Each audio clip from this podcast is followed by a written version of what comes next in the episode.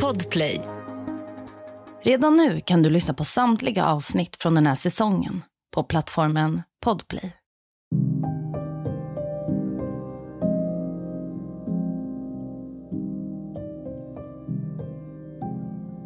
Det är en lördagskväll runt klockan 22.00. Pappa Richard och sonen Tyler är på väg till en bilfirma.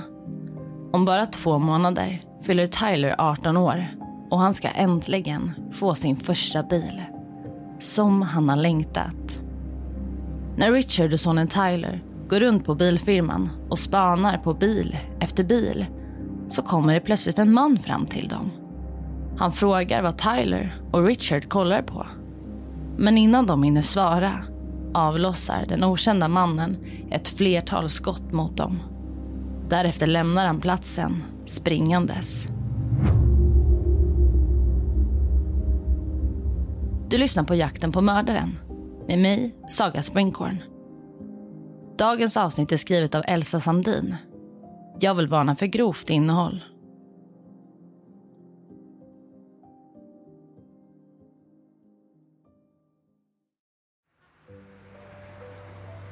Staden Kalamazoo ligger belägen i delstaten Michigan i USA. Det är en lugn och trygg stad med många museum, parker och bryggerier. Många flyttar hit för att studera eller bygga upp ett liv med barn och familj. Men någonting ska snart komma att förändra den trygga atmosfären i Kalamazoo. Det är en helt vanlig lördag, den 20 februari 2016. Solen skiner över staden. Det känns som att våren är på ingång. Klockan 16.21 bokar Matt Mellen en taxi via Uber-appen. Han har lämnat sin bil hos en vän kvällen innan och ska nu ta en taxi för att åka dit och plocka upp bilen. Tiden går och Matt ser snart hur taxichauffören kör in på uppfarten. Och när Matt närmar sig bilen ser han att det sitter en hund i baksätet. Matt sätter sig därför i framsätet bredvid chauffören.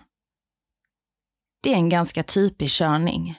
Varken Matt eller föraren intresserade av att prata med varandra. Matt tittar ut genom fönsterrutan och föraren fokuserar på att ta sig från A till B. Snart ringer taxichaufförens telefon. Han sätter på högtalaren. Det är ett barn på andra sidan luren. En pojke som frågar om han ska äta middag hemma denna kväll.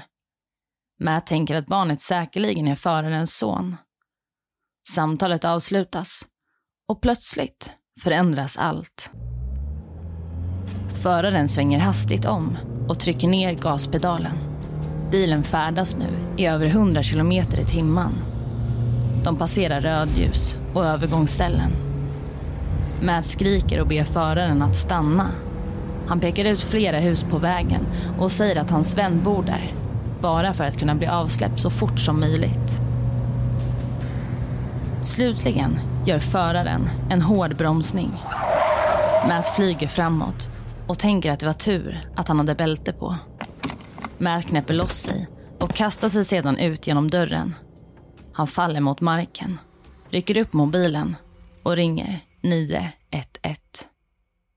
Vi hör telefonsamtalet.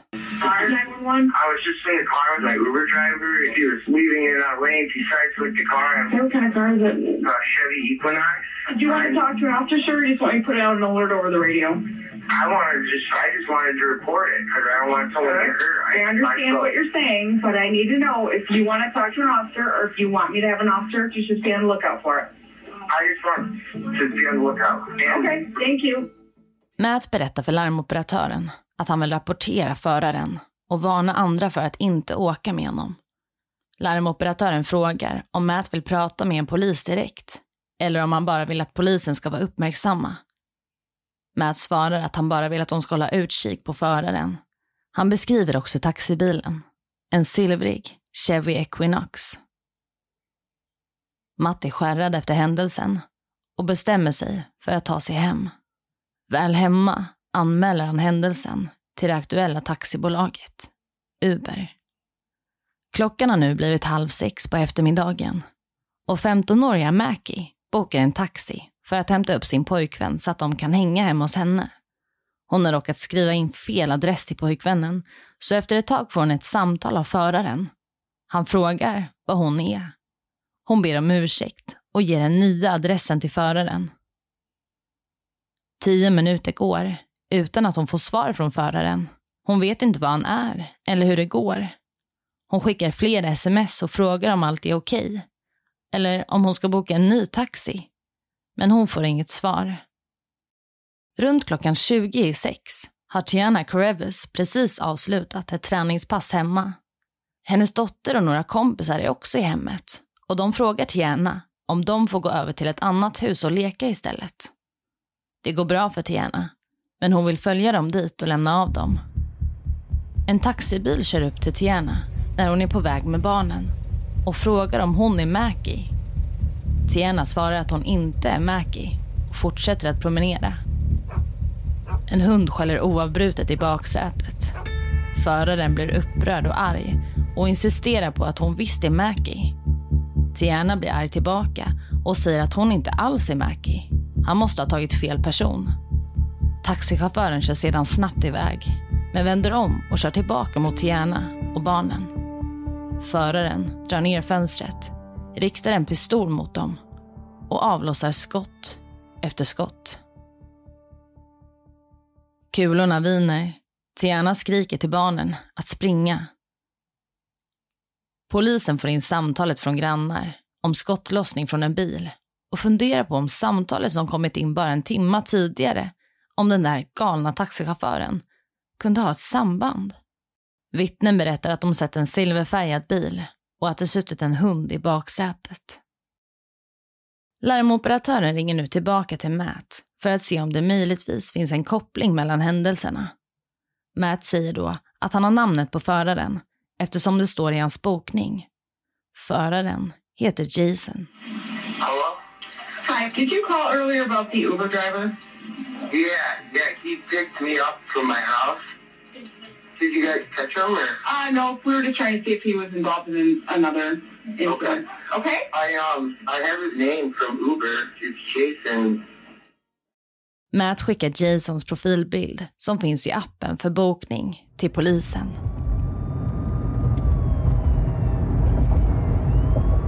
Tiana kör snabbt till sjukhus. Hennes tillstånd är kritiskt. Hon har träffats i båda benen, armen och ryggen. Barnen har mirakulöst nog inte blivit träffade av några skott. Och det ska visa sig att Tiana slutligen överlever. Mot alla odds. Taxichauffören Jason kör snabbt iväg från platsen där han skjutit Tiana. Klockan är nu kvart i sex. Han kör hänsynslöst, förbi rödljus och kör på en bil i en korsning. Jordan och hans fru, som sitter i den påkörda bilen, är på väg att köpa glass när Jason plötsligt kommer från ingenstans. Återigen får larmcentralen in ett samtal om en silvrig bil som kör hänsynslöst på gatorna.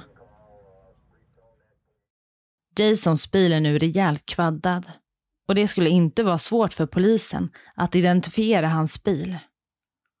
Jason ringer därför till sin fru och ber henne möta honom vid hans föräldrars hem. Han kommer på en historia för att frun inte ska undra vad han har gjort med bilen. Han säger att han har blivit beskjuten av taxichaufförer från ett annat företag och att det är som en stor fejd mellan taxibolagen. Han parkerar den silvriga bilen i sina föräldrars garage och byter till en svart Chevy HHR. Jason ger också en pistol till sin fru för att hon ska kunna skydda sig själv. Han säger till henne att varken hon eller barnen kommer kunna gå till jobbet eller skola kommande måndag. När hon frågar varför säger han att han inte kommer berätta vad han ska göra, men att hon kommer få se allt på nyheterna senare ikväll. Jason lämnar nu sina föräldrars hus i den svarta bilen och fortsätter plocka upp passagerare. Bilen som polisen letar efter är alltså inte längre ute på vägarna. Jason åker snabbt hem till sin egen bostad och byter ut pistolen han sköt Tiana med till en annan som fungerar bättre. Det har hunnit bli kväll och personalen på Bells bryggeri instruerar gästerna att inte lämna puben eftersom det verkar pågå slumpmässiga skjutningar i staden. En man väljer dock att lämna puben tillsammans med sin familj eftersom de inte känner att det är tryggt att sitta kvar. De vill hem.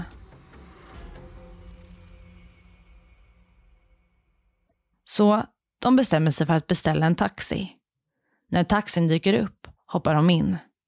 Mannen i familjen frågar taxichauffören på skämt om det är han som är skytten eftersom han beter sig lite underligt och mest sitter tyst. Föraren svarar då. Jag är bara trött. Men det som egentligen varit ett skämt hade faktiskt stämt. Familjen sitter i Jasons taxi. Men allt går mirakulöst bra och snart kommer de hem till tryggheten. En stund senare hoppar ett kompisgäng in i en taxi. De märker att beskrivningen av bilen som syns i appen till bokningen är samma som poliserna efterlyst i relation till skjutningarna i staden. En av kompisarna frågar skämtsamt föraren. Det är väl inte du som åker omkring och dödar folk va? Föraren svarar att nej, det är inte jag. Det är ju galet. Men det var faktiskt Jason som plockade upp aningslösa passagerare. Dessa passagerare har dock klarat sig undan hans våld. Klockan har hunnit bli tio på kvällen. Jason kör runt i staden och ser två personer vid en bilfirma tvärs över gatan. Han kör dit, hoppar ut och börjar gå mot personerna och frågar vad de kollar på. Innan någon av dem hinner svara har Jason skjutit dem båda flera gånger. Det är 17-åriga Tyler Smith och pappa Richard Smith som har kollat på en bil till Tyler. Jason hoppar tillbaka in i bilen efter dådet och kör iväg. Tylers flickvän, Alexis, har sett hela händelseförloppet. Hon hade suttit kvar i familjen Smiths bil. Hon hade gömt sig i bilen. Hon springer fram till Tyler när Jason lämnat platsen. Alexis ringer 911. Um, yes, my boyfriend and his dad just got shot at the Auto Group. Are they on the ground? Yes, they're not moving. Okay, the phone. I gotta get officers. En ensam polis är i närheten och får höra på polisradion om händelsen på bilfirman. Han kör snabbt dit. Samtalen till larmcentralen om skottlossningen fortsätter rulla in och polisen är osäker på om skytten är kvar på platsen. Polismannen springer fram till Tyler och Richard som ligger på marken för att kolla om de har puls. Men han kan snabbt konstatera att de båda avlidit på platsen. Knappt en halvtimme senare inkommer flera samtal till larmcentralen om ännu en skjutning. Den här gången vid Crackle Barrel Restaurant. Två bilar som står parkerade utanför hade blivit beskjutna.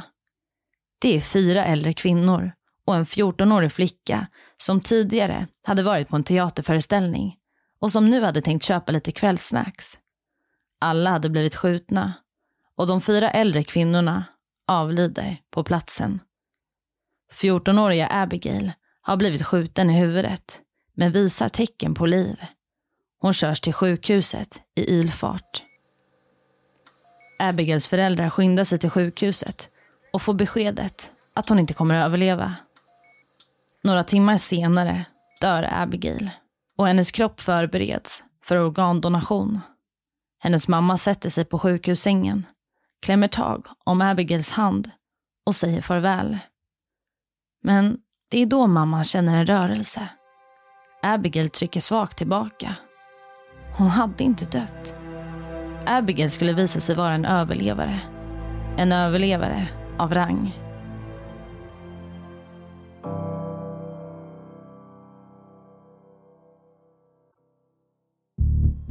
Tillbaka på Crackle Barrel, restaurangen, kan vittnen berätta att de sett en svart Chevy, HHR, köra iväg från platsen.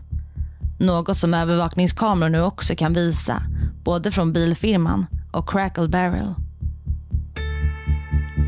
Polisen vet dock ännu inte att det rör sig om samma gärningsman som tidigare kört den silvriga bilen. Jason Dalton kör vidare och fortsätter plocka upp passagerare. Passagerare beskriver i efterhand hur ingenting varit konstigt med Jason. Det enda som vissa reagerade på var att det stått i taxiappen att föraren skulle plocka upp dem i en silvrig bil. Men istället plockades de upp i en svart bil.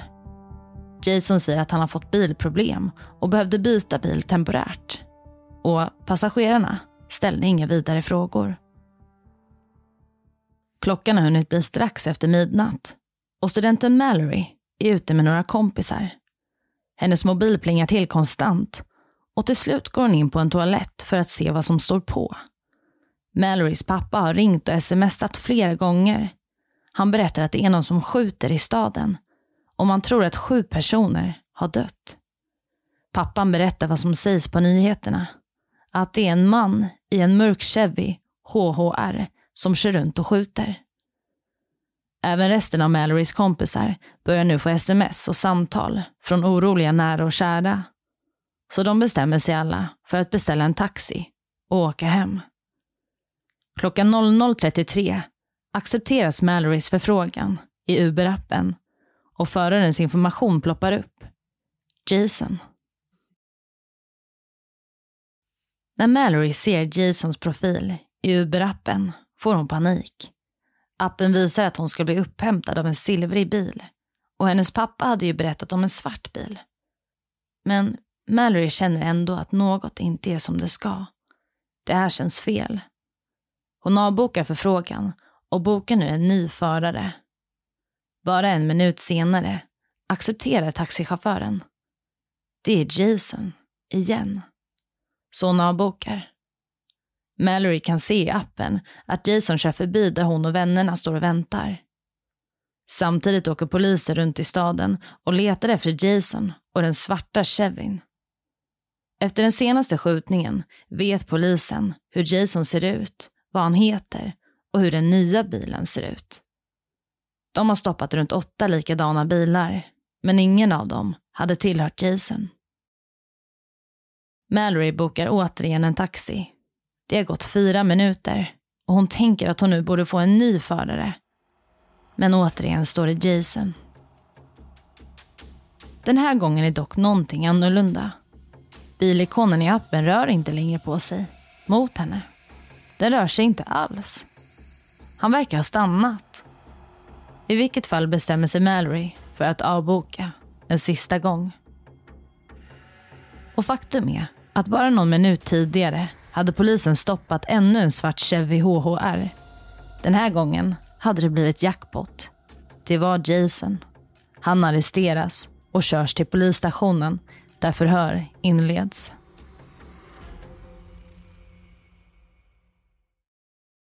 Ja, och där stannar vi upp.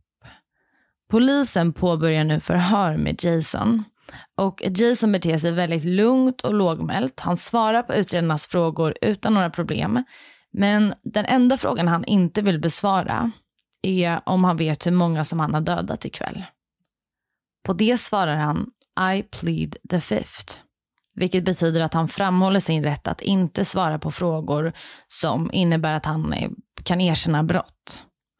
Men under de kommande dagarna så blir Jason mer bekväm. Han öppnar upp sig och berättar till slut om hela händelseförloppet.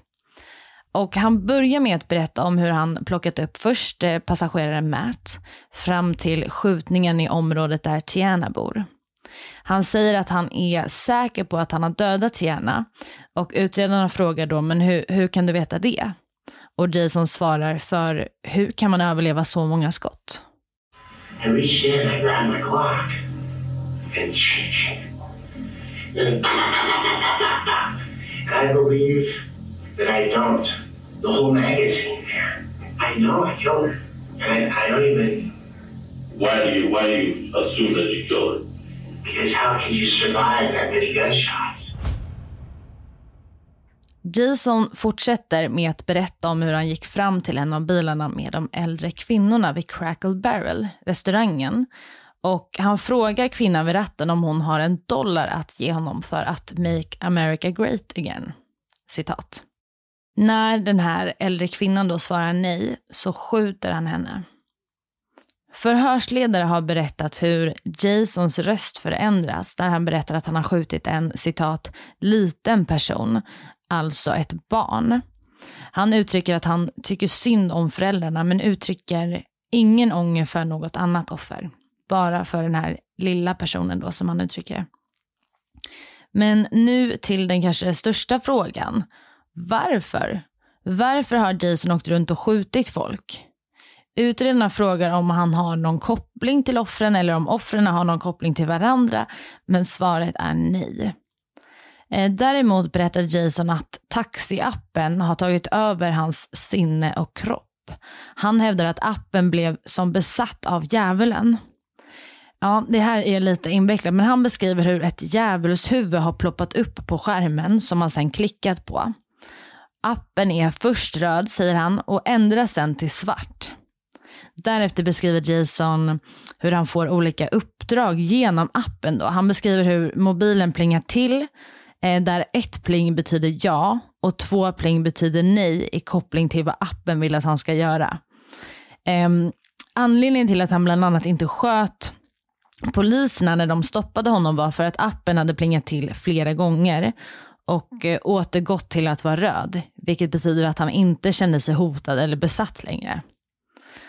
Ja, den här beskrivningen är ju lite speciell måste man ju säga. Och eh, innan vi går in mer på det rättspsykiatriska utredningen och så vidare så tänker jag att vi ska ta en närmare titt på vem Jason egentligen är. När det här händer i februari 2016 så är Jason 45 år gammal. Han har varit tillsammans med sin fru i över 20 år och de har två barn tillsammans. Tidigare har han jobbat som mekaniker och under 2016 så arbetar Jason på en bilfirma.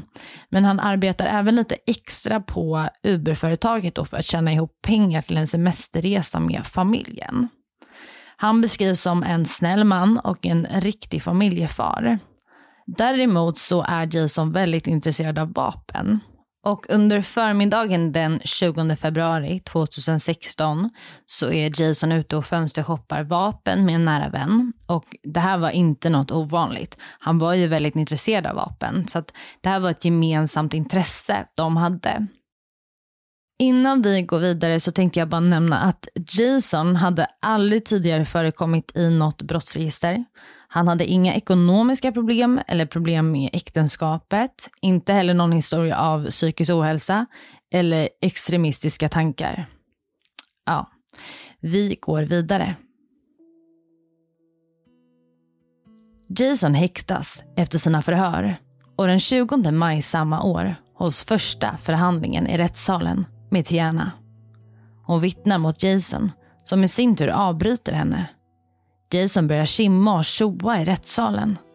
Folk tror att han låtsas vara galen, att han hittar på.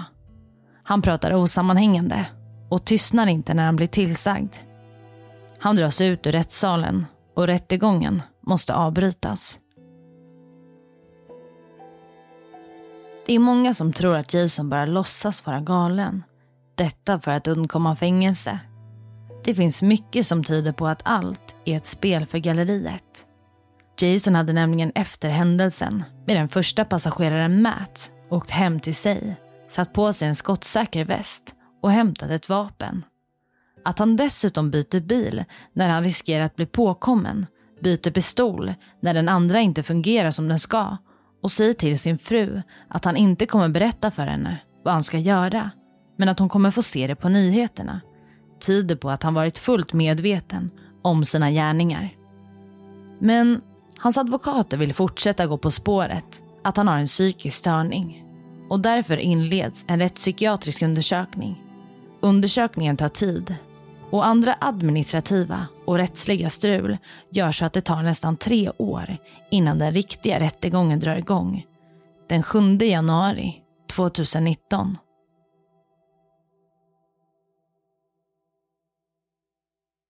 Alla tänker att Jason nu kommer åberopa galenskap för att slippa dömas till livstidsfängelse. Han uppfyller dock inte kraven för att dömas till rättspsykiatrisk vård.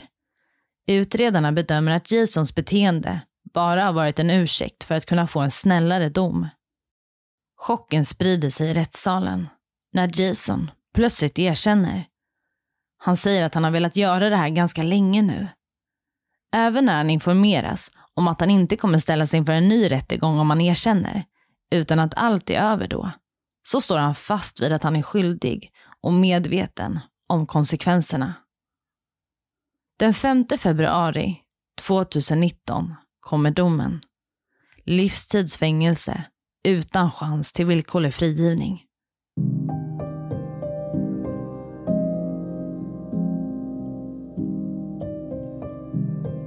Och det var allt för dagens avsnitt. Vill du komma i kontakt med mig så kan du skriva till mig på Instagram där jag heter Saga Springkorn eller mejla till jakten på mordaren at springkorn.se. Tack för att du har lyssnat.